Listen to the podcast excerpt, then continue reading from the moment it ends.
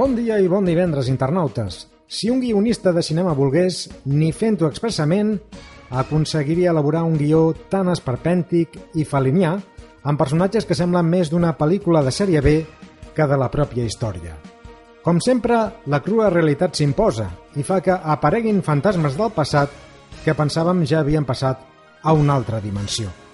És el cas d'un dels colpistes més coneguts d'Espanya, el tinent coronel Antonio Tejero, famós pel seu crit de guerra, pistola en mà, al Congrés de Diputats ara fa 31 anys.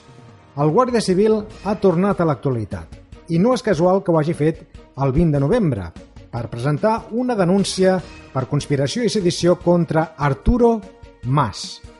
Que això ho faci un demòcrata de tota la vida com ell no és una simple anècdota elevada a categoria, si tenim en compte el context de crisi institucional que viu Espanya, on sembla que per frenar les aspiracions legítimes dels catalans s'hi val tot. Parlant de guerra bruta, una de freda i una de calenta. El fiscal del Tribunal Superior de Justícia de Catalunya va anunciar una investigació per un presumpte delicte de calúmnia del diari El Mundo contra el president de la Generalitat.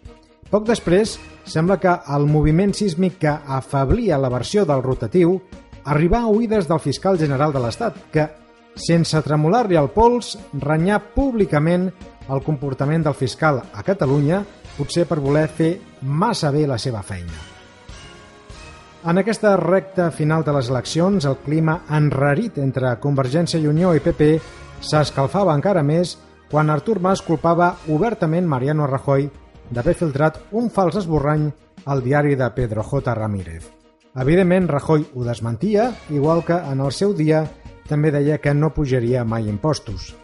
Si fa un moment fèiem referència a personatges casposos, cal assenyalar que el govern espanyol ha decidit cedir el Palau de Congressos de Madrid a la Fundació Francisco Franco per tal que celebrin un homenatge amb motiu dels 120 anys del naixement del dictador. Una altra mostra del caràcter democràtic de l'executiu de Rajoy. Acabem amb una reflexió que, si us pareu a pensar, no és tan desgavellada com pugui semblar. Fixeu-vos, fa poques hores Alicia Sánchez Camacho feia una patinada al debat de 8TV quan mostrà a càmera un gràfic amb possibles mesures d'estalvi. La suma dels imports, però, no era correcta. I aquí ve la meva teoria més o menys malèvola.